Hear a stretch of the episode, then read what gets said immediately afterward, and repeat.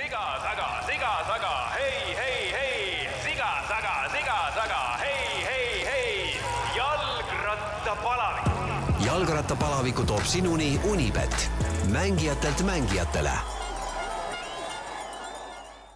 Tere, head kuulajad, Jalgrattapalaviku podcast, nii nagu signatuuridest juba aru saite.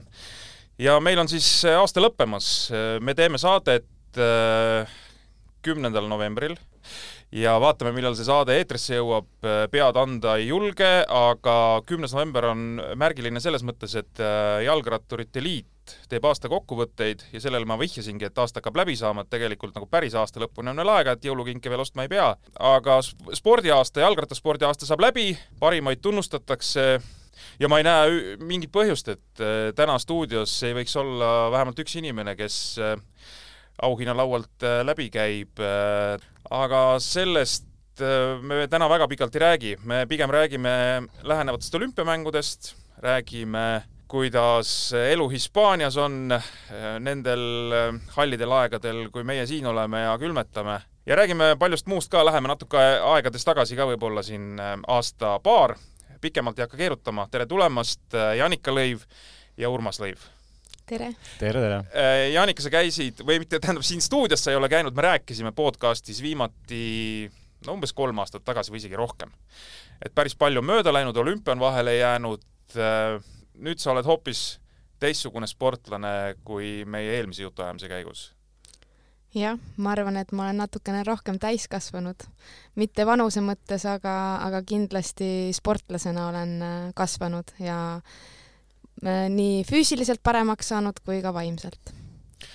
Urmas, sina oled siis vääramatu taustajõud Janika selja taga ja, ja tegelikult siis põhjus, miks äh, umbes kümme aastat, võib-olla natuke vähem tagasi Jaanika üldse rattaga sõitma hakkas no nii ta vist on jah, et äh, see süü suuresti minule nagu langeb ja ega ta kerge ei olnud Jaanikat siia rattasõidu juurde saada, aga pika töö tulemusena see siiski õnnestus. ja, ja päris hästi. Jaanika, kui sa praegu teeks jätkuvalt kergejõustikut, sa jookseks maratone või mida sa teeks?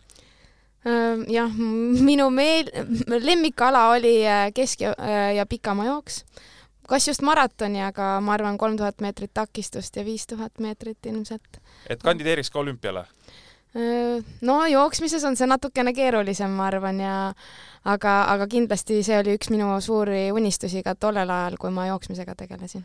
no sa oled nüüd tänaseks päevaks äh, juba ühe korra olümpial ära käinud. See oli siis Tokyo kaks tuhat kakskümmend üks, mis pidi olema kaks tuhat kakskümmend, lükkus edasi, kõik me teame, koroona viirused ja asjad, sa olid äh, seitsmeteistkümnes olümpial. see on siis nüüd selline koht, kus okas jäi hinge, et äh, igal juhul tuleb üks tsükkel veel teha või äh, see ei ole üldse sellega seotud, et sa oleks nii või naa sporti teinud, sest äh, noh, sa saad aru, et, et sul on arenemisruumi, sa saad paremaks minna ja sa tead, et noh, ma ei tea, tuleb kolme-nelja aasta pärast uus olümpia, siis ma raudselt teen parema tulemuse. jah, see koroonaaeg oli mulle vaimselt väga-väga kurnav ja sellega toimetulemine ja, ja, ja läbi selle aja siis nii-öelda sinna olümpiale saamine oli väga suur niisuguse unistuse täitumine, et, et ma üldse sinna jõudsin siis lõpuks. et äh, vahepeal juba oli selliseid äh, hetki meil elus, kus äh, jah, oli väga raskeid hetki, ühesõnaga. ja, ja peale seda olümpiat ma tundsin, et äh, no see vibe oli ikka täiesti midagi muud, et äh, et mina küll nagu, ma ei uskunud enda sees, et et olümpia saab nii nagu kuidagi võib-olla sõna mõttetu on natukene nagu kurb öelda, et aga selline nukker natukene, sest et äh, sa oled seal omaette, sa isegi ei saa oma nii-öelda sama eriala siis sõi- sõitvate ratturitega, sa ei saa isegi nendega suhelda, et me olimegi põhimõtteliselt toas kahekesi Urmasega ja ja kuidagi tundus see kogu seis selline, et et no me peame ühe korra lihtsalt tegema seda sellepärast, et saada nagu see päris olümpia vibe kätte, et et, et see oli küll, et kui ma natukene puksisin vastu to, Tokyo olümpiamängudega, siis ma arvan, et ma sellel hetkel ei, ei puksinud kordagi vastu, et ma olin valmis sinna minema kohe. mis tähendab puksisid vastu? no siis, kui Urmas selle no ma pakun, et see oli nüüd seitse aastat tagasi, siis käis välja selle idee, see oli kohe peale Riio Ahah. olümpiamänge ju, siis äh, minu esimene reaktsioon oli see, et no Urmas, sa oled ikka täiesti crazy, et, et see ei ole võimalik. et äh, ma olen maailma rankingu edetabelis neljasajas, ma sõidan Eestis kümnenda koha peal heal juhul.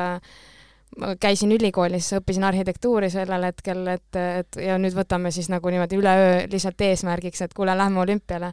Ja ma ikka päris äh, pool aastat vist äh, üritasin Urmasele selgeks teha, et, et kuule, mine sa oma jutuga, et ma parem õpin edasi ja aga kuidagimoodi ta mu ära rääkis.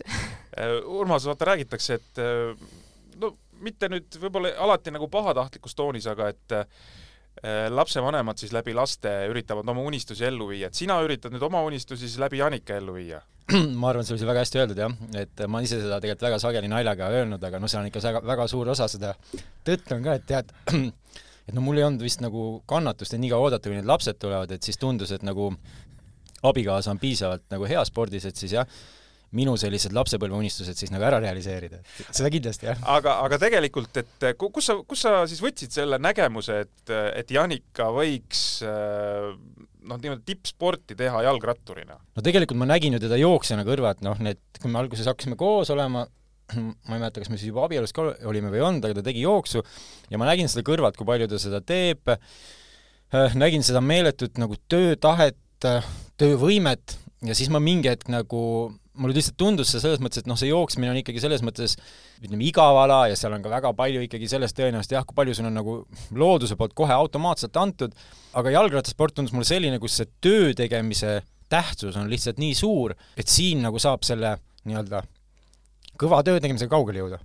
ja selle tõttu mulle lihtsalt nagu tundus, et ta teeb vale ala, vale ala lihtsalt mm. -hmm Janika, sa oled tänasel päeval maailma edetabelis või maailma reitingus kolmeteistkümnes, aga me koos siin vaatasime kiirelt üle, et et tegelikult sa oled äh, ühel hooajal olnud hooaja lõpus ka maailma edetabelis seitsmes, see oli siis seesama kaks tuhat kakskümmend. top kümme maailmas, äh, noh, põhimõtteliselt ükskõik mis ala võtta, kõva sõna. kui sa nüüd hakkasid tõsisemat sporti tegema, mingi selline julge mõte käis ka peast läbi, et äh, ma ei tea, olengi top viie hulgas maailmas või top seitsme hulgas maailmas mõne aja pärast ei, ei, see oli äh, puhtalt meie nii-öelda projekt, siis saigi alguse lihtsalt, et jõuame olümpiale, see tundus, et äh, noh, Urmasele muidugi tundus väga realistlik, minule tundus nii, et üheksakümmend ja kümme on need protsendid, et äh, ei jõua ja jõuame, onju. et äh, äh, aga seda, et ma olen maailma rankingu edetabelis nii kõrgel kohal või seda, et ma saan äh, profitiimis sõita, selliseid unistusi ma isegi ei näinud nagu parimates unenägudes, et, et, et see tundus selline asi, et noh, see lihtsalt ei ole võimalik, kui sa tuled äh, siit Eestist äh, ja nagu ei ole tegelikult sellist tausta, mul ei olnud oskusi, mul ei olnud mitte midagi seoses äh, jalgrattaspordiga, et no küla vahel olin sõitnud natukene, aga aga mitte palju. Äh, öeldakse, et ikkagi väga tehniline ala see olümpiakross, eks, ja, ja ta on, et seal ju mis iganes takistusi ette sulle pannakse, et ma ei tea, tuled sealt Kivimäe pealt alla ja mis, mida kõike. kuidas, kuidas seda siis on võimalik äh, suhteliselt ikkagi täiskasvanuna õppida? no esimene asi on see, et eks ta on ajapikku äh, aina tehnilisemaks läinud, et kui mina alustasin, siis ma ei mäleta, et, et oleks mingeid näiteks ähm, selliseid käpiga hüppeid, mis on siis vahega hüpped, on ju, et või mingeid keerulisema, nii keerulisi asju, mida täna siis nii-öelda tehakse. et aga, aga ma ei tea, Urmas seisis äh, tavaliselt äh, Rock Gardeni all ehk siis kiviaia all ja ütles, tule nüüd vaata, kas oskad ja siis esimesel aastal ma mäletan, et ma äh, põhimõtteliselt tulin iga kord pea ees alla sealt jumala sinine ja läksin üles-tagasi, proovisin uuesti, tulin korralikult alla ja sõitsin, et aga eks see on kõva töö selles mõttes, et äh, me oleme väga palju lihtsalt erinevatel võistlustel käinud. ja see on nagu naljakas see, et äh, kui sa ikka selle asja kõrval seal seisad või neid, äh, neid tehnilisi radu vaatad, ma olen ise neid kõiki samamoodi sõitnud, et mul lihtsalt ei ole julgust, nagu ma ei tea, kus tal nagu, millegipärast oli tal lihtsalt see julgus proovida ka siis, kui, kui ta teadis, et tegelikult ei oska neid asju, et see oli, on vist nagu määravaks saanud just, et jah, mingi ajuvaba julgus, ütleme nii kas selliseid asju annab niimoodi ka õppida, et noh, näiteks meil on, äh, no ma toon lihtsalt suvalise näite, et Alges Maasikmets näiteks äh, noh, teada, et pikalt sõitis, oli Eesti tipp äh, just nagu maastikusõidus, et lähedki tema juurde või kellegi juurde palvega, et vot nii, et ma olen suhteliselt koba, hilja alustanud, tahaks mingisuguseid nippe, kuidas sõita just tehniliselt, kuidas mingeid laskumisi tulla sellist asja on ka mõtet teha või, või te tegite või kuidas see käib? No esimese, esimesed aastad läks puhtalt siis äh, selle peale, et, et arendada lihtsalt seda füüsist järgi, et, et olla lihtsalt suuta jalgrattaga sõita üldse. ja lisaks, ega meil ei olnud ka finantsiliselt võimalik tegelikult endale lubada, et aga jah, selles mõttes see on üks suur asi, mis on ähm, just äh, selles ähm, väga populaarseks just nüüd viimased aastad saanud, et äh, palgata endale siis tehnikatreener ja seda me oleme ka viimasel aastal äh, kasutanud väga julgelt.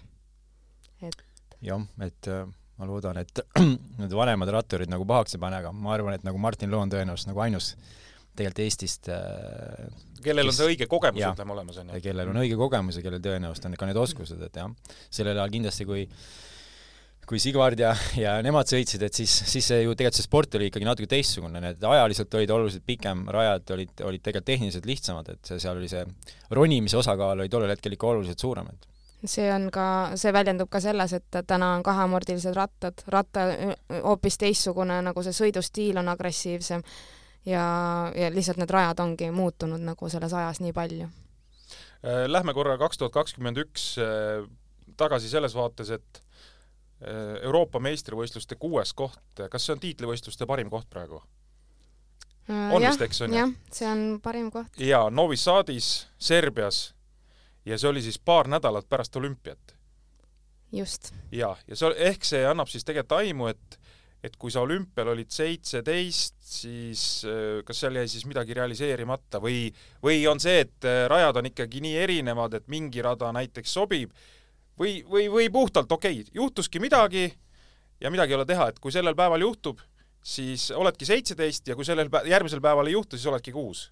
No Urmas ilmselt võib rääkida, mina väga palju olümpiastardist ei mäleta midagi, aga aga võib öelda nii, et jah, ma Novis Saadi läksin väga rahuliku olekuga juba ja mulle need Novis Saadis sobis väga ilmaolud ja kuna olümpia oli siis nagu läbi saanud, kõige suurem see pressure, mis mulle peale oli nii-öelda langenud, siis, siis ma sinna läksin ikka väga rahuliku olekuga. Et aga Urmas võib siis rääkida, et kuidas ta nägi, ma seisin seal olümpiastardis ja miks see seitsmeteistkümnes ilmselt tuli? no seal olümpiaga oli selles mõttes, sa ju oled alati kuulnud neid lugusid, kuidas äh, see on tohutu pinge, ma ei tea, sportlased, kes on aastaid teinud, ikkagi seal läbi põlevad, on ju, et noh, me sellest ju kõigest olime teadlikud, me olime kõigeks ju valmistunud enda arust, vahet ei olnud, oli see moraalselt, materiaalselt, vaimselt, füüsiliselt aga jah, seal läks tegelikult, läks ütleme, metsa läks kõik, mis nagu vähegi minna andis, noh. alustades sellest, et noh, tegelikult olime treeninud ju äärmiselt kuumaks ja ja kuivaks kliimaks, mis siis nagu ikkagi öösel enne just naiste starti otsustas täielikult muutuda, rada täielikult muutus. Äh, kõik see rehvide teema, noh, Jaanikale veel ütleme, jah, lisaks see, see närv peale, et nagu rada on nagu nüüd täiesti teistes tingimustes, kui eelmised päevad on sõitnud. Ja jah, ta seal selles mõttes stardijoonel oli ikka väga valge näoga, et ma küsisin ta käest, et no et kas tahad ära tulla siit, et võib-olla ei lähe sõitma, et et see oli ikkagi nagu selles mõttes oli jah, niisugune väga naljakas kogemus, et, et sa tead, et see kõik juhtub ja sa ei saa nagu sa tegelikult ei saa seda nagu enne jah, sa ei saa seda kodus, ütleme, seda kuidagi ära treenida mm. -hmm. ei saagi ja, ja sellepärast räägitakse, et eh, esimene olümpia võib-olla ongi õppimise koht, et et eh, teine ja kolmas olümpia, meil on hästi palju endal ka näiteid, eh, mitte jalgrattaspordist, ma ei pea otseselt silmas, aga üldse spordis, kus ongi, et esimene kord vaatad, et noh, seda meest ei ole või naist ei ole mõtet järgmisel korral olümpiale saata, aga siis, kui ta läheb, siis ta on hoopis teine inimene ja, ja teeb noh, kõva tulemust ja no seda ei saa ka tegelikult teistest sõitjatest näha, kes ju tegelikult olid tollel aastal ikkagi peafavoriidid, äh, Rebecca McConnell või äh, või ka tegelikult ju prantslased ikkagi peafavoriidid, täiesti põrusid ju. et äh, enne seda sa võidad viis MK-d ja siis sa oled kahekümne viies, noh.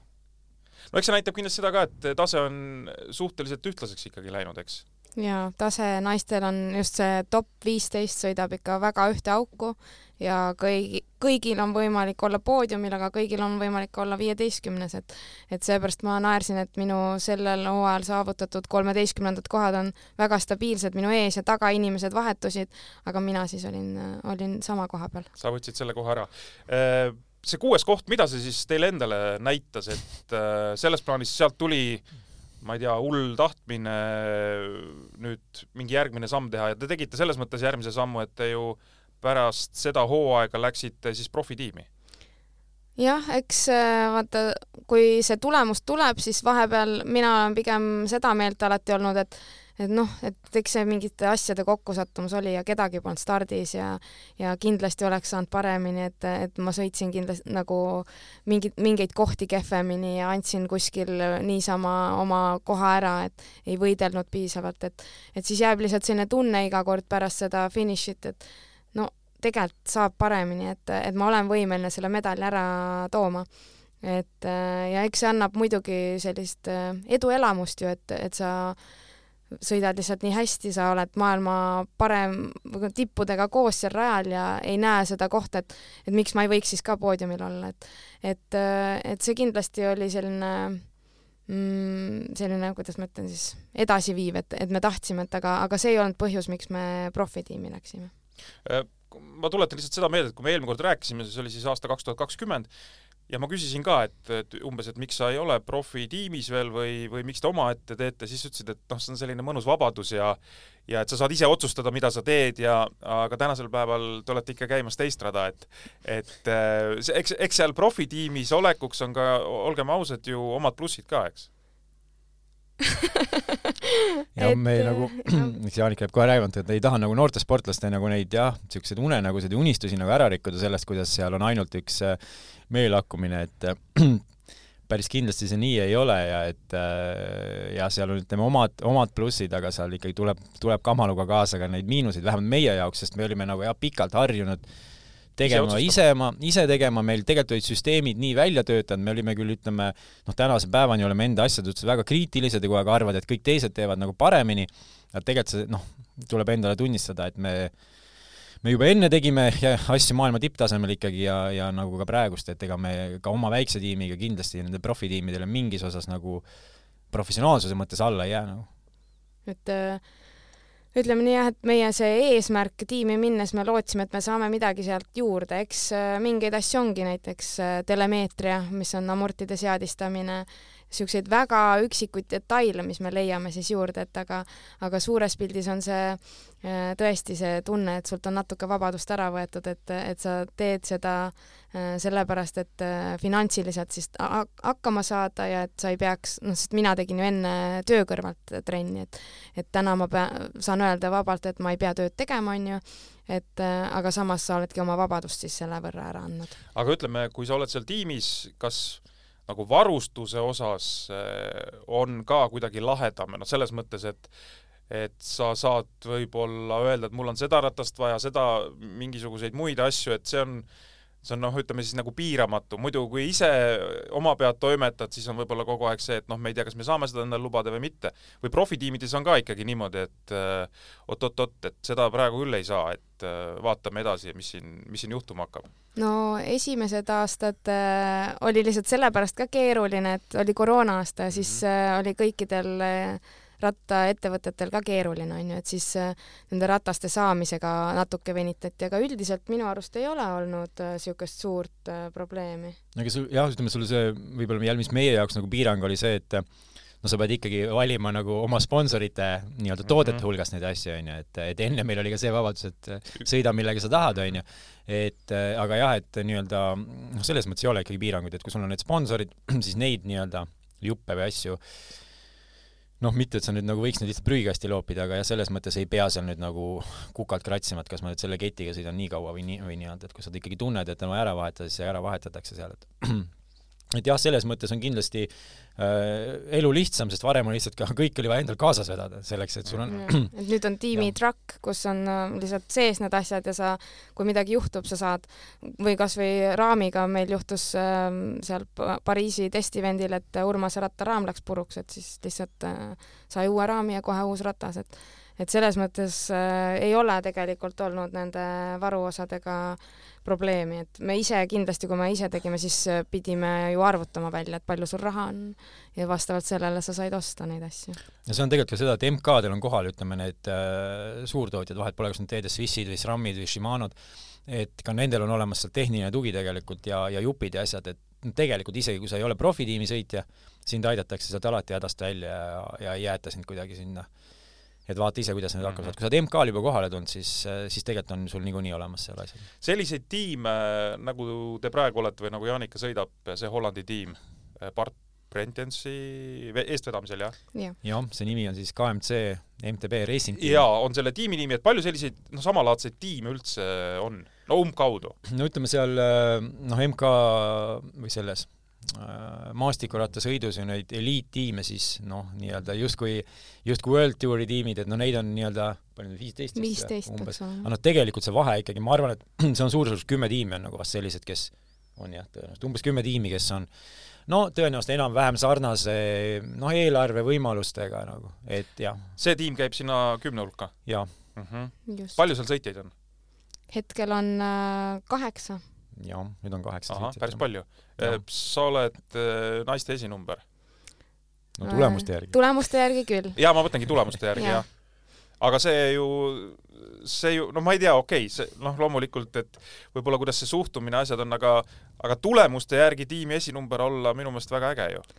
Ehm, jaa, selles mõttes äh, mulle meeldib see, samas on mulle alati meeldinud, kui keegi mind mugavustsoonist välja lükkab ja ja et kui keegi oleks minust tugevam, siis see annab mulle kuidagi hästi palju sellist motivatsiooni, et ma tahan ka olla, et eelmine aasta mul just tiimis oli nii, et aasta alguses ma ei olnud nii heas vormis ja Malene, Taani sõitja oli oluliselt paremas vormis ja see, ma tundsin kohe, kuidas see tõmbab mind käima, et et ma ei taha olla tiimi teine number, et ma tahan paremaks saada, et siis äh, hetkel on jah, et on Jana Belamoina, kes on tegelikult olnud äh, minevikus väga-väga kõva sõitja, aga ta ei ole nüüd siis viimastel aastatel suutnud enda vormi leida. ja siis ma olengi selline, et noh, alati tahaks, et keegi oleks selline, kes push'iks mind ka edasi, et et äh, mitte see, et minu järgi nii-öelda joondutakse siis nii väga. aga lähmegi tulemuste mõttes siis korra sinna eelmisesse aastasse, et äh, maailmakarika etapil ka kuues koht, mis on äh, seni siis maailmakarika tulemustest parim, Andorras juulikuus ja vaid kahekümne kolme sekundi kaugusel oli poodium. jaa, see, ma arvan, et see on minu karjääri ikkagi üks kõige paremaid tulemusi, et isegi Euroopa meistrivõistlused ei ole nii kõva tulemus, et et ähm, esiteks ta on kõva sellepärast, et ma tegin seda peale autoavariid äh, tagasi tulla äh,, aga võib-olla sellist äh,, ütleme siis väikest puhkeperioodi nii-öelda jutumärkides oli, oli tollel hetkel vaja ja ma olin finišis küll väga nukker, et ma ei rõõmustanud selle üle üldse, et aga tagasi vaadates kindlasti see on, see on üks ütlemata ilus tulemus.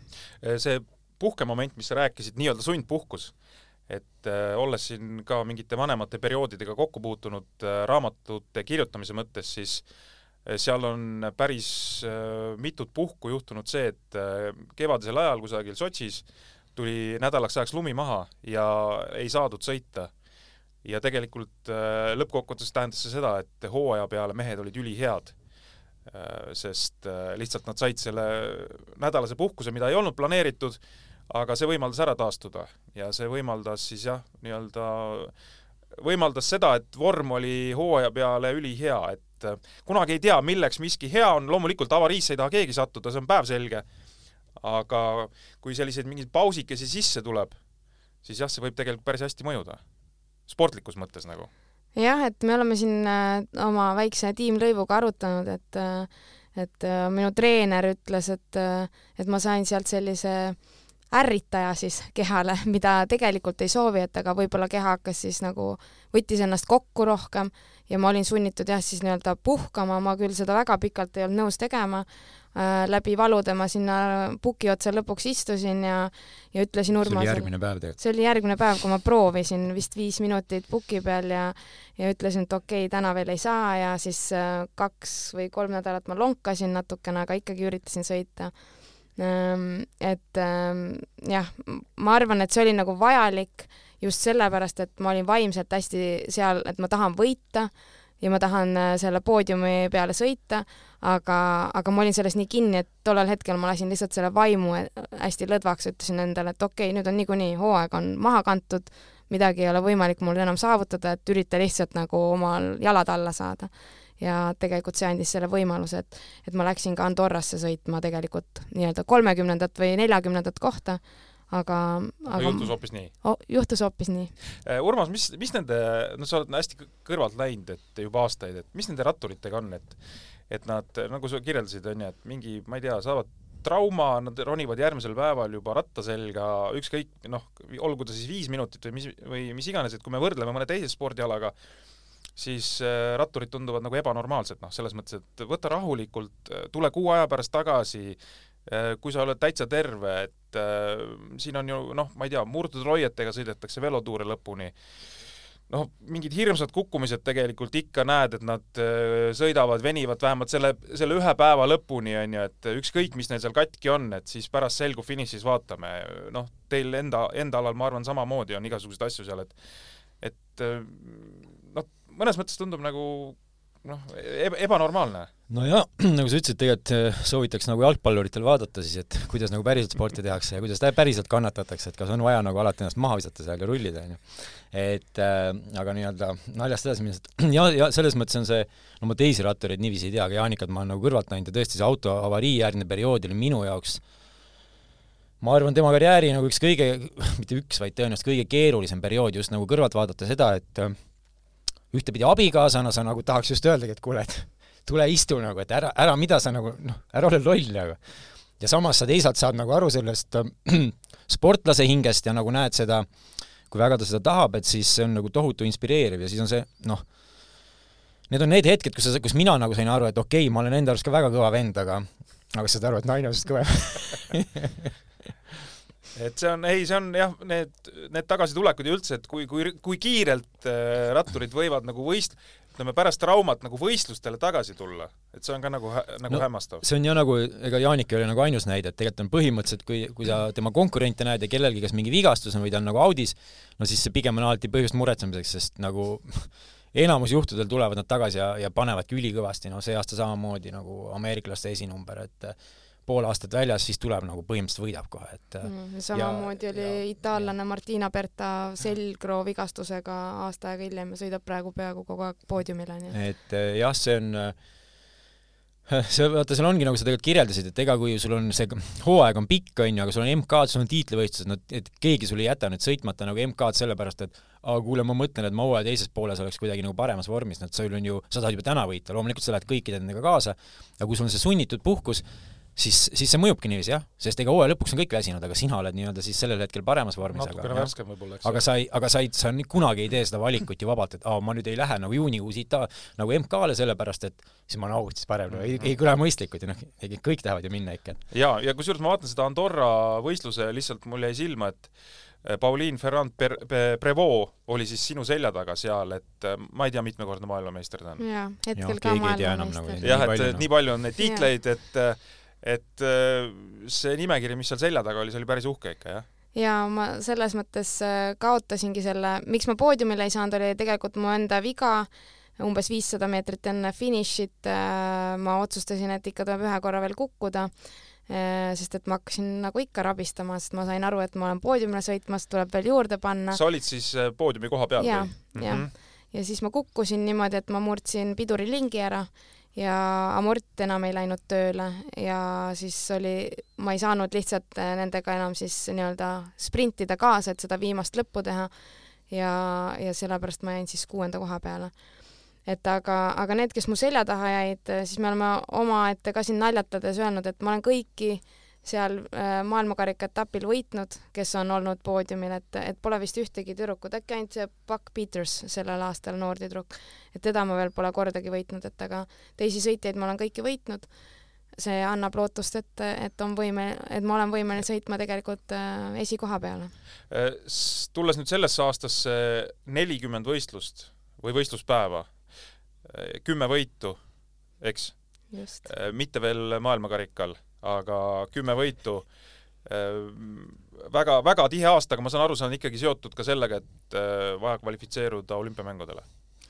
jah, see kõik on selle eesmärgiga tehtud, et kindlasti kui olümpiamängude koht oleks juba nii-öelda kindlalt käes, siis nii palju võistlusi me ei oleks teinud. ja hooaeg ka jälle siin enne, eelnevalt vestlesime, et läks kuu aega pikemaks kui tavaliselt no ja esiteks juba MK-kalender, no eelmine aasta Jaanik ju tegelikult lõpetas ära ju, nagu ta MM-il oli vigastus augusti viimastel päevadel, lõpetas tegelikult augustikuus ära. nüüd tegelikult ju MK-kalender läks äh, oktoobri esimesse poolde, pluss siis käisime veel nädal aega jah, tõesti Kreekas äh, võistlemas, nii et äh, võrreldes eelmise aastaga tegelikult poolteist kuud äh, pikem oli see, see hooaeg, et ja hooaega al-, alustasid äh, Lõuna-Aafrika Vabariigis, jah, veebruaris äh, oli vist või? Tegelikult me alustasime jaanuaris äh, Costa Blanca Aa, Bike isegi. Race'i. Hispaanias ja siis me läksime tiimilaagrisse Lõuna-Aafrikasse ja ma sõitsin seal Jana Belomoinaga koos tankvadrekki. selge no,. isegi tegelikult siis ühesõnaga jaanuaris olid juba esimesed võistlused? jah, no aga need olid ikkagi tegelikult trenni, treeningi eesmärgil, et need ei olnud, ütleme jah. kuna need on äh, nii-öelda maratoni või siis stage race'id on ju, siis äh, neid äh, ma olen iga aasta teinud äh, jah, lihtsalt treeningu eesmärgil, sest et need punkte olümpia jaoks ei anna. Mis seis selle olümpiaga siis äh, hetkel on, et äh, no ma loomulikult nagu vaatasin üle selles plaanis, et äh, ma saan aru, et käib siis nii, et riigid üks kuni kaheksa saavad kaks sportlast ja üheksa kuni üheksateist saavad ühe sportlase ja Eesti on siis hetkel naiste arvestuses seitsmeteistkümnendal kohal. see punktisumma mingi tuhat seitsesada kuuskümmend üks vist liiga palju kellelegi midagi ei ütle, aga te olete pigem nagu positiivsed selle hooaja järel, see reiting läheb siis lõplikult lukku maikuus, eks on ju? jah, selles mõttes, et pigem on ikkagi seis iseenesest äh, positiivne, no esiteks arvestades seda, et eelmine aasta Jaanikal äh, autoõnnetuse ja vigastuse tõttu ju tegemata kaks MK-etappi pluss MM, kust läksid nagu ju väga suured punktid ka kaduma ja tegelikult me ju seda hooaega alustades olime sealt olümpiakohalt väljas, et noh, nüüd me oleme või noh, Jaanika on siis äh, ja ka ütleme, teised tüdrukud, kes abis on olnud, on on selle vahe, ütleme, kinni tõmmanud ja, ja ka ütleme siin niisuguse vahe sisse sõitnud, et noh, hetkel on hetkel ma arvan, on olla põhjus niisugune ikkagi optimistlik, et, et jah mina, mina ei julge seda rankingut üldiselt vaadata, et parem ma sõidan ratast. no nüüd saab rahulikult, paar kuud ei muutu, kuna kõik puhkavad Õnneks aga seal on veel see nüanss, et noh, nii nagu Urmas mainis, et seal ei lähe ainult sinu tulemused arvesse tegelikult, vaid seal võetakse siis iga riigi kolme parema naise punktid arvesse, et tuleb teile kusagilt abi ka veel järgmisel aastal?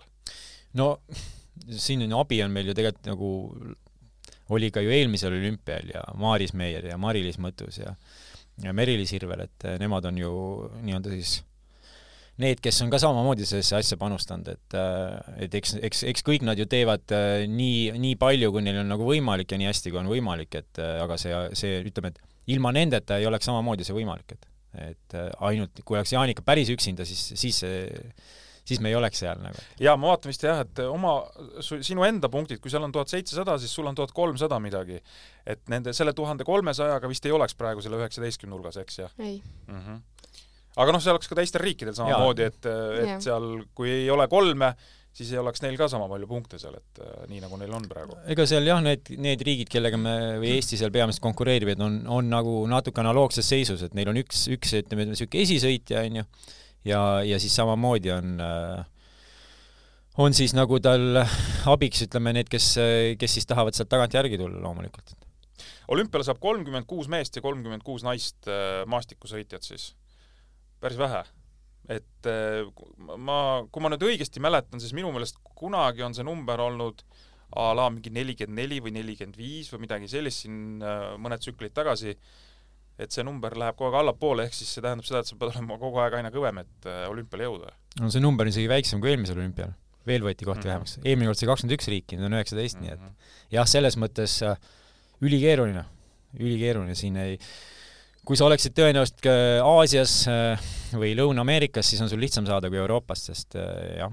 Eks see kvalifitseerumise protsess ongi keerulisem kui, kui isegi tulemust teha seal olümpial no tulemust võiks ju teha selles vaates ju noh, tõesti, et et kui siin maailmakarika etappidel on, ma ei tea, neli või viis ühest riigist võimalik välja panna, siis seal ainult kaks, eks. jah, šveitslastel ja prantslastel on seal olukord keerulisem kui MK-del. jaa, absoluutselt. ja noh, teisest küljest ongi, et kui sul on, satub hea päev, hea vorm, siis äh, tõesti võib väga super tulemus tulla, eks. ei no see olümpia on üldse selles mõttes väga ettearvamatu, no me ka eelmine kord nägime, just ütlesin, et ju tegelikult ei võitnud need, Yolanda Neff tollel hetkel ei olnud mitte mingit pidi nagu sõidufavoriit, ta ei oleks pidanud isegi medalile võitma. aga olümpia on olümpia. jah, nii võib, nii võib juhtuda. loodame, et juhtub siis aasta pärast ka. Te olete käinud muide seal rajal juba, eks? Septembrikuus oli seal testvõistlus, on siis Elancourti mäel äh, Pariisis, jah? jah, see on Versailles lossile üsna Aha. lähedal, umbes kesklinnast võib-olla nelikümmend, viiskümmend minutit. kannatab sõita? rada, ma mõtlen. väga huvitav rada on, natukene on ilmselt vaja veel neil seda paremaks teha, sest et mõningad kohad jäeti seekord veel välja või noh, nii-öelda ei avatud, seepärast et nad ei olnud nii-öelda siis sõidukõlbulikud veel. Et aga, aga sihuke inimese ehitatud rada ja ja jõ- nõuab natukene võib-olla teistsugust ettevalmistust äh, kui maailmakarika etapid. et aga, aga põnev saab kindlasti olema. kakskümmend üheksa juuli kaks tuhat kakskümmend neli võistluspäev. Ma nii täpselt ei teagi, aga äkki on pühapäev oli kahe- kusagil kakskümmend üheksa või? kakskümmend ma ei tea, ma kuskilt jäi silma, ma tundub, see- olen välja kirjutanud endale, et kakskümmend üheksa juuli, ma minu arust on meeste sõit on kakskümmend üheksa. on minu arust on kakskümmend kaheksa. aa, teil on kakskümmend kaheksa või? okei siis sihtigi ikka kahekümne kaheksa peale.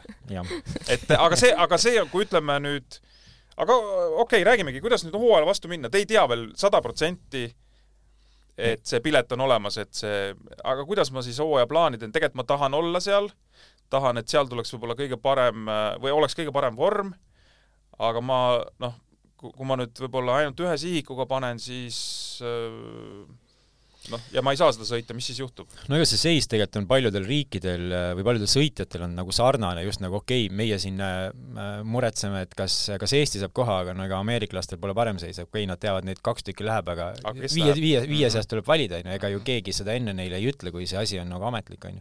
et jah, tõenäoliselt me võime olla suhteliselt kindlad, et Prevost nagu saab rahulikult selleks valmistuda, onju. aga, aga ma arvan, et suurem osa sõitjaid on tegelikult analoogses seisus ja, ja see ongi nagu tegelikult äh, tegelikult on väga keeruline jah, et, et sa pead ühtepidi maikuuni nii-öelda olema väga stabiilne, no siis tõenäoliselt mingiks ajaks maha, aja maha võtma ja, ja siis, siis proovima sellel juuli lõpus olla nii hea, kui, kui on võimalik, võimalik kõige keerulisem on ilmselt see, et sa ei tohi tegelikult riski võtta.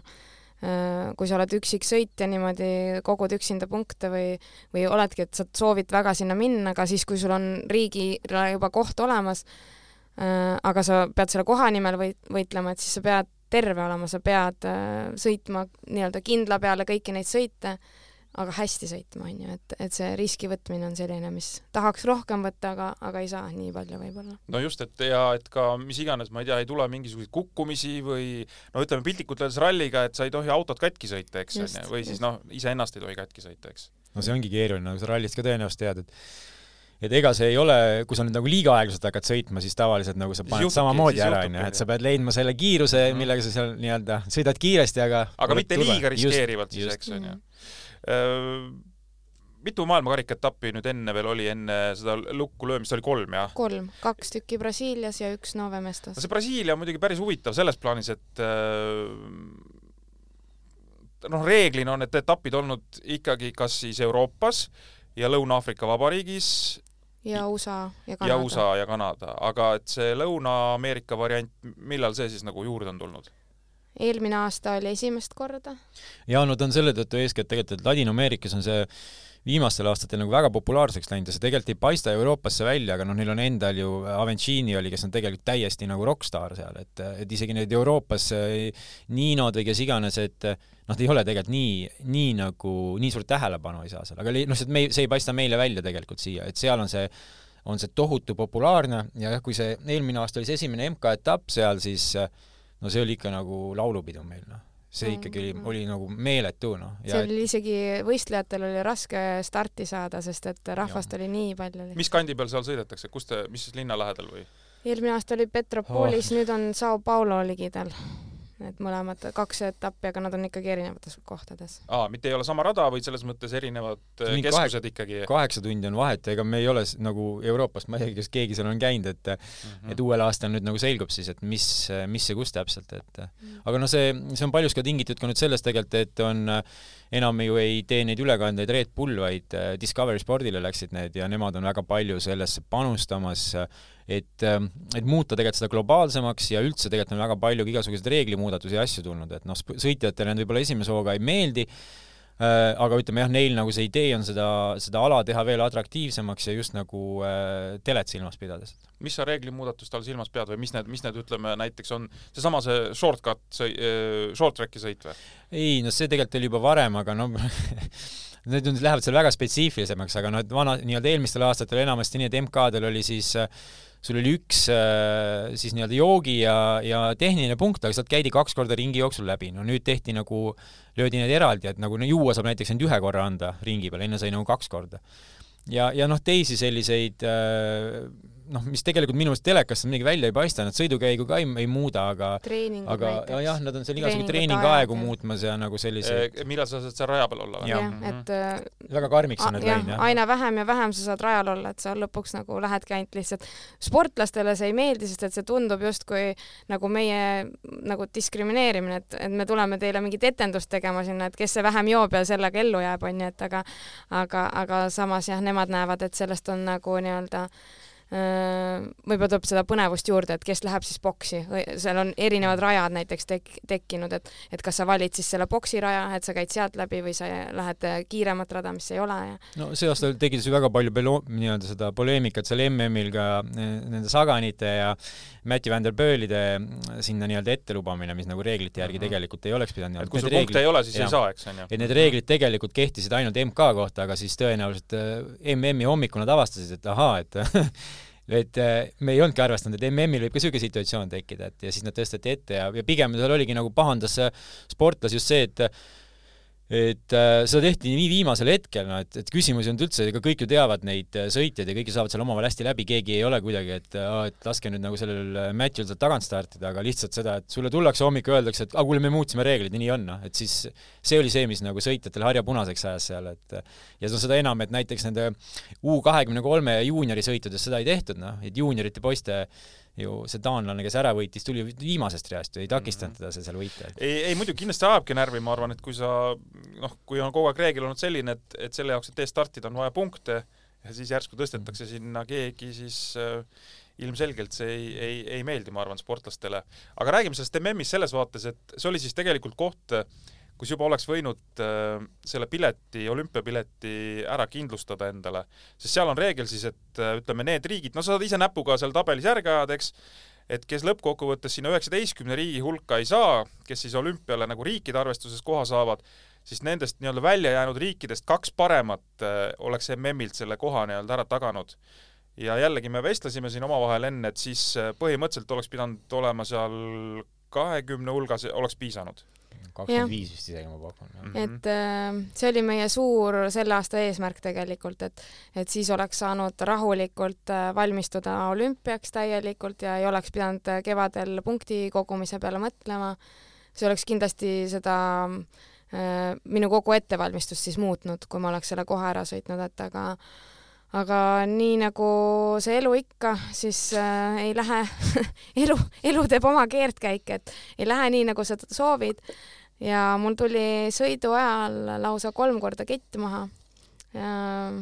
esimesel on... korral ma suutsin selle üle elada ja ennast motiveerida ja järgmised kaks korda siis äh, ma andsin alla ja ma andsin ikka väga kõvasti alla. Äh, kui me nüüd, no lihtsalt jälle huvi pärast äh, spekuleerime, põhimõtteliselt hooaja üks tähtsamaid võistlusi, eks on ju, su enda jaoks ütleme, sa, sa, sa tahad seal ära kindlustada olümpiapileti ja see kett ei ole väga varem maha tulnud, ütleme nii. noh, võib-olla on, aga, aga noh, mitte kolm korda, ütleme, sõidu jooksul.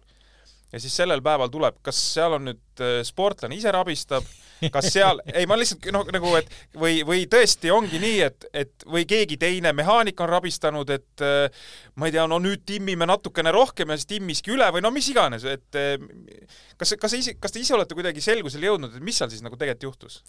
no kui me läheme natuke veel ajas tagasi, siis Valdis Soole MK-l tuli mul ka kett maha, viissada või kuussada meetrit enne finišit ja siis ma nii-öelda jooksin peaaegu lõpuni, onju. ja siis meil oli juba esimene selline ohumärk, et, et midagi on valesti, et, et miks ta niimoodi tuli, sest see oli esimene kord ja sellist tunnet, et see kett niimoodi hüppab, ei olnud mul varem olnud ähm, mehaanik arvas, et asi on selles, et paneme siis chain guide'i peale ja siis äh, me seda ka tegime. Ja ega mul nagu otseselt äh, sellist hirmu sõitma minnes tollel hetkel polnud, et nüüd siis hooaja edenedes, siis mul hakkas vaikselt hirm tekkima, et äkki nüüd järgmisel sõidul ka ja mhm, järgmisel. mm, -hmm. et aga MM-i sõidule mul tegelikult minnes ei olnud hirm, kuigi tehnikatreeneriga trennis äh, korraks läks jutt, kuna need käigud nagu ragisesid seal hullult ja tegid mingit häält, siis korraks nagu läks jutt, et äkki nagu peaks uuesti üle vaatama selle ratta ja et, et ei tundu nagu õige olevat. Mm.. Aga sõidu ajal, noh, ma pakun, et kolmest korrast üks oli mu enda viga ja kaks oli siis rattaviga. see, see viga siis tähendas, et ütleme, mingit äh, vahetamist kusagil valel ajal või mida see tähendab? Äh, no see ükskord, kui ma pakun, et see oli minu enda viga, oli niimoodi, et äh, mul lihtsalt tagaratas, ma vahetasin käigu ära ja tagaratas libises ühe ki äh, libeda mm -hmm. kivi pealt ja ma ilmselt väntasin korraks tagurpidi tollel hetkel ja samal ajal see nii-öelda amort ka töötas ja ta viskas lihtsalt selle üle et aga teised kaks korda olid väga sellised, äh, noh, üks oli mäest üles, et kus ma tagurpidi ilmselgelt ei vänta, onju, et mm -hmm. et äh, ja siis üks oli nii, et ma olin just mäest justkui alla jõudnud, et hakkas sileda peale minema, eks ma vahetasin seal käike, aga mis seal täpselt juhtus, keegi ei oska öelda, keegi ei tea. tänaseni tegelikult ei tea ka mehaanikud, et, et milles see täpne probleem on ma lootsin, et sa ei küsi seda küsimust nagu, sest ma olen seda juttu ja seda analüüsi pidanud kuulama see aasta juba ma ei tea kui palju nagu, et et see ja Jaan ikka nagu otsib sealt alati mingit enda, enda, enda viga ja midagi okay. nagu süüdistada mina, ja tunnen, või siis järgmise mina... asjana tahab ta süüdistada kas ratast või midagi, aga no tegelikult on nagu kui me vaatame faktidele otsa, siis see aasta on neli korda kett maha tulnud, millest kolm olid needsamad siis. et ja see ükskord, kui ta seal Valdis Sooles maha tuli, siis on nagu, siis me teame nagu põhjust, see oli nagu loogiline aga ei ole enne seda nagu tegelikult ei olnud ja pärast seda ei olnud nagu probleeme ja miks ta nagu tegelikult ka ju seal ülejäänud trennid nagu kõik needsamad asjad olid, et miks ta nüüd tuli seal võistlusel niiviisi maha. no ise tahaks ka kangesti nagu teada, et saaks kas nagu iseennast süüdistada või saaks ratast süüdistada, nagu tahaks nagu kedagi süüdistada, aga no jube, no ei ole kellegi peale seda näppu panna, miks ta tuli, no tegelikult ei, ei saa nagu minu iseloom lihtsalt on selline, et et kui see tuli, siis ma olin täiesti veendunud, et mina olen midagi valesti teinud, et et mitte siis Urmas seletab ja siis me tegime igasuguseid teste pärast ja, seda, et läksime koju ja väntasime tagurpidi ja esipidi ja hüppasime ja ja ei tulnud kordagi maha, et aga kõige keerulisem ja mis mind kõige õnnetumaks tegi, oli see, et see chain guide oli peal ja siis on ketti raskem tagasi panna. see võtab aega, mhm. käed värisevad, sa oled punases ja, ja, ja siis, siis sa oled nagu, siis ma mõtlesin, et miks me selle panime peale veel, et, et, et siis jah. aga kui sa tahad nii kangesti ennast süüdistada, et aga miks sa seal esimeses kurvis siis nagu pikali panid? jah, see oli ka veel, ma kukkusin ka veel aga vaata, rattasport on minu meelest selles mõttes nagu hea sport, et hästi palju on võistlusi, et see annab võimaluse kiiremini ära unustada, et mõni spordiala teeb, ma ei tea, kolm võistlust aastas, eks, ja siis ta teeb selle ühe, noh, kus ei tule hästi välja või juhtub mingi jama ja siis ta seal küpseb, ma ei tea, kolm-neli kuud, kui ta on sellise iseloomuga. mõni võib-olla laseb kergelt peast välja, eks, et aga, aga kindlasti mõni hoiab seda kõvemini kinni ja kui sa räägid, et sa ei saanud seda ketti peale, siis no siin mul kangastub kohe äh, lugu äh, Urmas Karsoniga, kes äh, üheksakümne kaheksandal aastal MM-il maantee MM oli siis, istus autos, kuna noh, ajad olid sellised, et ma ei tea, mingit mehaanikuks nagu raha kaasa vist, et ei olnud raha, et kaasa võtta, ja siis Urmas istus autos ja kui abi oli vaja, siis noh, vahetab ise selle jooksu ära. ja siis Lauri Ausil läks kumm ja noh, Urmasel hakkasid muidugi käed värisema, et äh, nii, nüüd ta peab hakkama midagi tegema, et loomulikult oskab vahetada, ei ole küsimus, aga seal viskas võbina sisse ja ma mäletan, et Lauri ütles pärast, et et kuule, Urmas, võta rahulikult, et ära nüüd rapsi, et tee, pane see jook sinna ilusti alla ja, ja noh, said lõpuks, ma ei tea, poolteist minutit läks aega, aga ta sai selle tehtud, eks.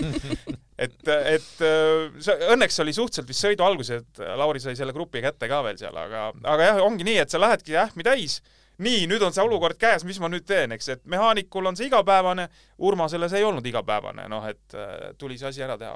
ei no ma tean, mida Urmas tunneb, et see ega mehaanikutel ka on, on ka meie profitiimi mehaanikutel on pidanud samamoodi ütlema, et kuule, et hinga nüüd korra sisse nagu, et äh, võta siin kolm sekundit rahulikumalt, et see, see on lihtsalt niiviisi, et noh, sa võid seal viis minutit enne starti on kõik nagu vahetavad selle rehvi ära nagu väga rahulikult ja pole probleemi, aga siis, kui see võistluse sees on, no väriseb käsi kõigil. sel aastal oli üks hea situatsioon meil veel või üks võistlus sinule äh, ka oli see, et ähm, Hispaania ühel väiksemal võistlusel no, Patarei ei andnud siis ühendust käiguvahetaja vahel.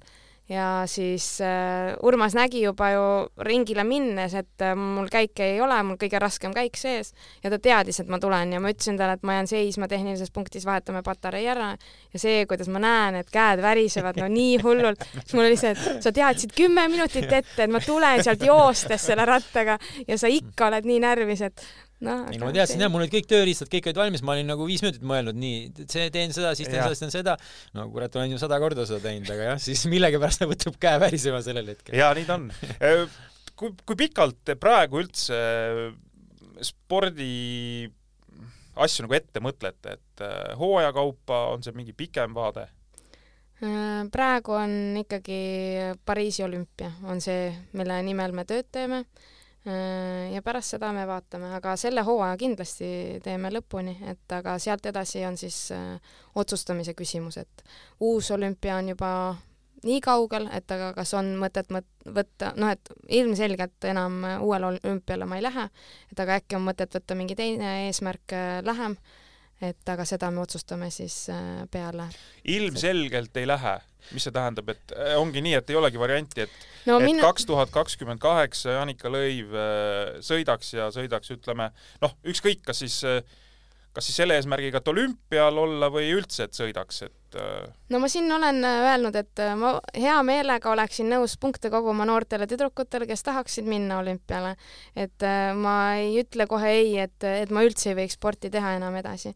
aga ma tunnen, et et äh, selleks, et seal tipus püsida, sa pead kogu aeg selles rattas olema. minul on natukene tekkinud koduigatsus ja tahaks äh, sellist äh, võib-olla ma ei saaks öelda, et ma tahaksin stabiilsemat või niisugust ühe koha peal elamist, et aga ma tahaks natuke rahulikumat, aga selleks, et seal tipus tegelikult olla, sa ei saa sellist elu elada, Eestis vähemalt mitte. et ma arvan lihtsalt, et see nelja-aastane periood on natukene liiga pikk, et seda siis sellisel tasemel teha veel, et uuesti ette see võtta aga lühemaajaline mingisugune eesmärk võtta, siis äh, see ei ole välistatud. ei no ma arvan, et see on nagu jah, kui sa kui sa ise teed tegelikult seda asja, siis see nelja-aastane tsükkel on tegelikult nagu vaimselt nii raske, et vahet ei olegi, äh, kui vana sa oled ja mis situatsioonis sa oled, aga kui sa nüüd nagu täna hakkad mõtlema, et okei okay,, nagu ma pean nagu neli aastat panema ja sa tegelikult täna juba tead, mida see nagu tähendab, onju, siis sul on seda, et sul oleks ka vaimselt nagu väga keeruline seda võtta, et pigem on nagu mõte, et nüüd okei okay,, ma sinna nagu ei lähe või no vähemalt ma ei mõtle selle peale, ma lähen aasta-aastalt, no võib-olla sa siis oled sinna Los Angelesse ka nagu jõudnud kohale, onju. aga jah, et kui nagu täna nagu hakata kohe mõtlema, et nii, sinna ma panen selle posti maha ja sinnani ma lähen, siis see on nagu ikkagi vaimselt ja see on raske nagu, et. aga peale Tokyot sellepärast oligi natukene lihtsam, et siis oli teada, et on kolm aastat mhm, ainult mm. -hmm. ja siis äh, juba nagu hoomasid seda, et, et äh, nii või naa sa saad aru, et see neli aastat sa ei saa olla nagu täiesti sajaprotsendiliselt keskendunud ainult selle olümpia pärast, et sul peavad mingid väiksemad eesmärgid olema seal vahel, mis sind siis nagu päev-päevalt käima tõmbavad. et äh, aga siis kolm aastat tundus niisugune, et okei okay,, nagu aasta on vaja lihtsalt nii-öelda vastu pidada ja siis juba kaks aastat punkte koguda, onju, et et see on nagu nii lähedal lähedal kuidagi tundus võrreldes mm -hmm. sellega. Äh, kuidas äh, maastikusõidus paistab, äh, ma pean silmas just nagu naiste rattasporti, et kui maantee peal tundub, et siin tuleb aina rohkem tiime, heal tasemel tiime, palganumbrid suurenevad, panustatakse nii-öelda naiste maanteesõitu, Tour de France'id, mis siin kõik nüüd on tulnud ja, ja tundub, et see on nii-öelda kasvav trend, et, et äh, aina rohkem nii-öelda soovitakse seda teha, et naiste rattasõit ka saaks äh, noh, võimalikult palju tähelepanu, võimalikult palju raha ja nii edasi. kas äh, maastikusõidus on midagi sarnast?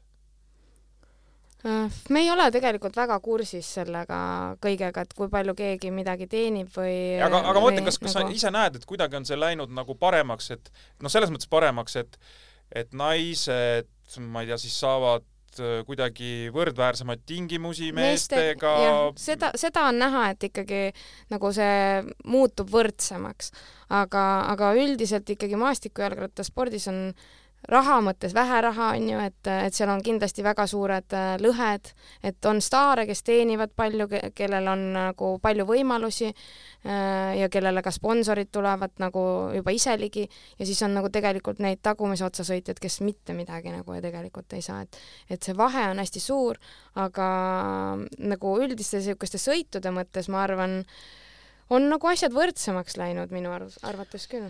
no mul, ma ei tea, võib-olla ma ise selles asjas nagu niiviisi sees, et ma ei tea, kuidas sa kõrvalt vaatad, see on nagu pigem mulle tundub jah, et kui sa võtad nagu maanteerattasõidu, siis seal tegelikult on väga suur nagu vahe selle meeste ja nagu naiste siukse mis iganes tähelepanu suhtes vist või, või nagu seda, et noh, naiste sõite ju nagunii väga ei vaadata, mulle vähemalt endale nagu tundub, et maastikurattasõidus ei ole seda sellist nagu vahet, jah, tõene-, nii palju kui ma aru olen saanud, siis palgavahe on seal küll väga suur, aga aga nagu seda jah, et kuidagi, et nagu naiste sõit oleks nagu väiksema osakaalu või naiste sõitu vaadatakse vähem, seda ma küll ei ole, sest see publik tuleb tavaliselt kohale ju naiste sõiduks, on ju juba enam-vähem suuremas osas ja ja siis on vahepeal tund aega vahet, siis tuleb meeste sõit nagu Mhm. otsa, et see on nagu hea vaata, tead, kui sa võtad Tour de France'i, need toimuvad täiesti nagu erinevatel Just, aegadel tiimid võtavad ka võrdsemalt täna nagu tiim, et on nii-öelda naiste pool ja on meeste poolt, et päris sellist tiimi vist ei olegi, kus oleks ainult mehed või on ainult, ikka ju, on meeste tiimi ka, aga on, on ka nüüd täna juba tiime, mis on ainult äh, ainult Naiste- naistega, ja noh, nagu sa ütlesid, tegelikult siis ju äh, väga palju on tulnud nüüd ka maanteetiime, kes on ju nagu kas osaliselt või, või Just. võta sa kas või Ineos on ju või Jumbo-Visma või et et nad kõik on ju äh, ma ei tea, miks neile tundub, aga neile tundub see järelikult see on ikkagi suur turg, kui nad tahavad ja suur nagu. turg ja ma olen aru saanud, et tegelikult ka sponsorite huvi Jah. on, et, et jaguks tähelepanu nii meestele kui naistele, et, et see et noh, ütleme siis, kuidas me, et, et päris palju otsuseid teevad ikkagi naised mingi tavaelus peres, et äh, ma ei tea, ostab seda toodet, teist toodet või kolmandat toodet ja kui nad panustavad nagu naistele ka, siis võib-olla need noh, otsused tulevadki, et, et hakatakse tarbima midagi, mis, mis neile sobib. No seal on see ka, et Eestis seda vist jälle nii palju ei tunneta, aga, aga nende sponsorite jaoks on see võrdõiguslikkuse teema ja see nagu see. Äh, see on ju prestiiži küsimus, noh Mhm. mm, -hmm. et see naiste nii-öelda sellesse panustada, et seal pigem mitte nagu vahet teha ja et et jah, selles mõttes ma arvan, et see on üks spordiala, kus tegelikult niisugust okei okay,, no ma ütlen jälle, et palgaläbirääkimistel mehena sa kindlasti saad nagu kordades rohkem, aga aga muidu nagu sellist mm, ei ole nii suurt nagu vahet või et sa, sa ei tunne nii, et oo, et nüüd mehed on mingi teised nagu kuidagi dimensioonis mm -hmm. ja siis tulevad naised nagu järgi, et et seda ei ole. Siis veel selline teoreetiline küsimus, et et tegelikult rattaspordis on hakanud äh, aina rohkem tulema ka seda, et äh, on mitme ala tegijad. sõidavad edukalt maanteel, sõidavad tsüklokrossi, mõni sõidab mountain bike'i ka, kes see Ineose mees meil on, et mm. -hmm. on ju, et, et ühesõnaga, kas äh, ma eelmine kord vist kiusasin ka sind oma mingi napaka ideega, et kas sa kunagi ei tahaks näiteks naiste Tour de France'i sõita, et äh, ja siis sa vist minu meelest ütlesid, et noh, et kuna sa ei ole ikkagi maantee peal, ma ei tea, nii palju sõitnud ja sa tõenäoliselt tunneksid ebamugavalt ennast seal ja nii edasi, et, et see teema on ikkagi välistatud, et isegi kui keegi tuleb, ütleb, et no. Äkki me teeks mõlemat, et sa saad sõita maastikku ka, aga, aga midagi maanteel. ma ei tea, kui Jumbo-Visma või Ineos nagu tuleks selle mm. -hmm. jutuga, et siis ma arvan, et korra ta tõenäoliselt võib-olla mõtleks ikkagi, aga noh, täna on ju kas või juba äh, ma kuulsin, sa sedasama küsisid Karmeni käest seal Mhm, rattaradal ka jaa. nagu, et siis äh, seda filosofeerida on ju tore, aga no sa ei saa ju minna sinna maantee peale niiviisi, et äh, kuule, me paneme nime kirja, et tere, me tulime ka Tour de France'ile mm. Aga meie see, meil Urmasega lihtsalt on hästi selline suur huvi näha erinevate tiimide sisse või sihuke uudishimu vist ja see oleks see, miks äh, tahaks lihtsalt nagu, et näha, mis seal siis päriselt äh, seal Toimub. maanteel mm -hmm. toimub. ja aga muidu nagu niimoodi filosofeerides, siis mina olen kogu aeg äh, cyclocrossist rääkinud Urmasele. Urmas ei ole vedu sa võtnud oled eraldi stardis ka mulle kogu aeg ja eraldi. stardist olen rääkinud, aga aga Ma- miks sa tsüklokrossist ei võta vedu? Sest tal on õnneks hüppeliiges välja väänatud ja vaata, mis ilm väljas on, mina pean seal ju kuradi neid rattaid okei. pesema ju. et aga, aga mm, ma arvan, maanteesõiduga saaks kõige keerulisem lihtsalt see, et, et uuesti õppida tegelikult ju mingeid uusi asju, ehk siis näiteks grupisõitu. ma treenin ju üksinda ja, ja see ei ole selline asi, mis strateegiliselt läheneda sellele sõidule, see ei ole üldse täna minu nagu tugev külg seal ei aita sellest, et sa lolli moodi lihtsalt tööd rabad, et siis keegi raudselt võtab lõpuks sul selle äh, tiit-, tiitli käest ära.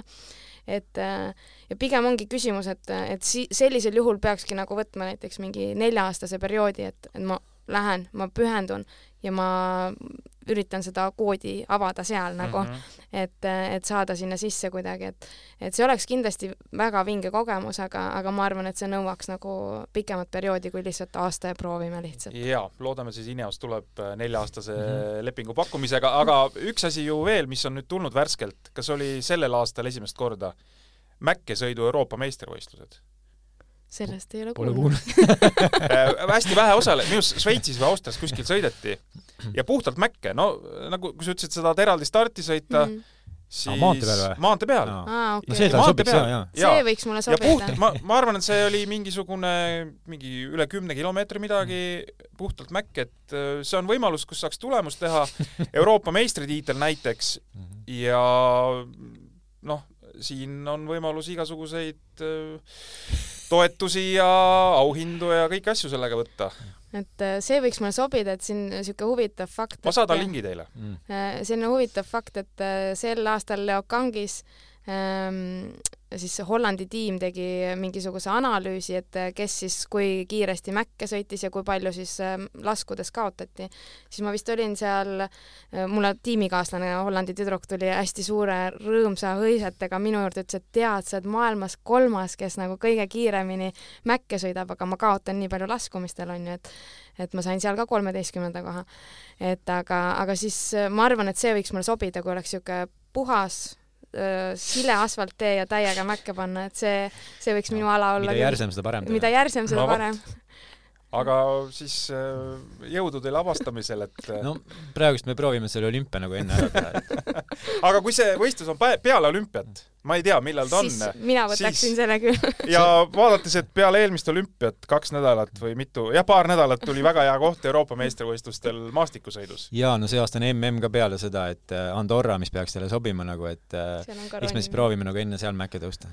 jaa, suur tänu, et te tulite, meil on tund aega märkamatult äh, täis tiksunud ja ma saan aru, et kui meie nüüd jääme siia, noh, nii-öelda need äh, sellised tavalised inimesed jäävad Eestisse ma ei saa öelda, et ilma nautima, aga, aga siin, siin me oleme, siis te lähete Hispaaniasse.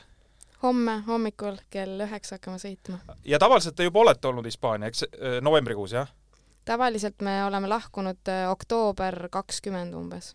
Et äh, juba ettevalmistust novembris alustada, nüüd sel aastal siis äh, või sel hooajal siis alustame ettevalmistust pigem detsembri algusest, et kuu aega on see umbes nihkes. ja kui te olete äh, ikkagi, ütleme nii, nii kaua kui sina oled sporti teinud, ikkagi hästi palju viibite Hispaanias, siis kas te ikkagi tulete pärast siia kehva kliimasse tagasi või te jäätegi Hispaaniasse mingil hetkel?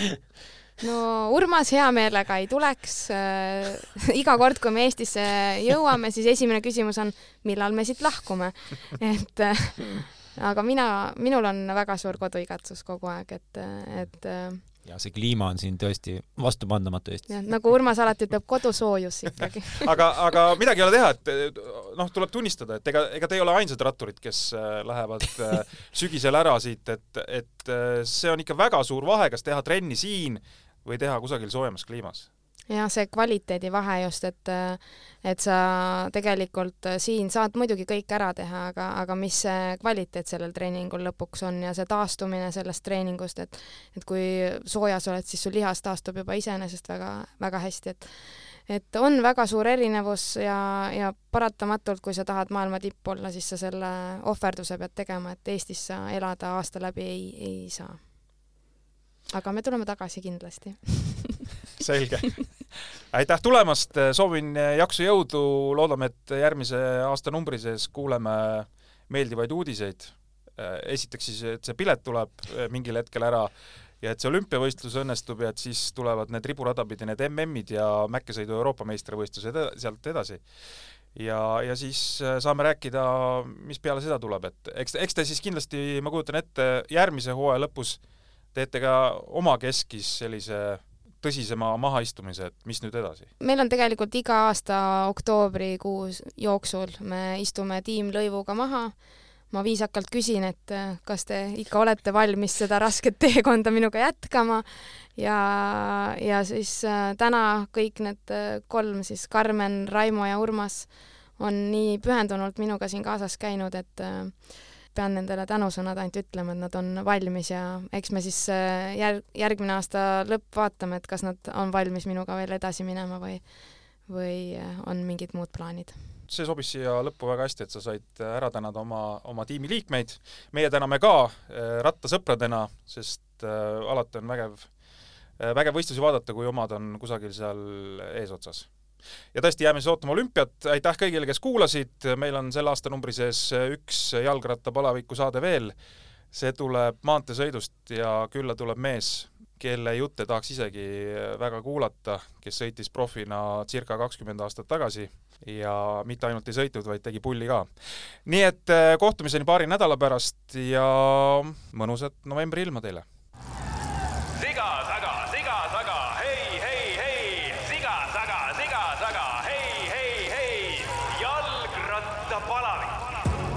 Jalgrattapalaviku tõi sinuni Unibet, mängijatelt mängijatele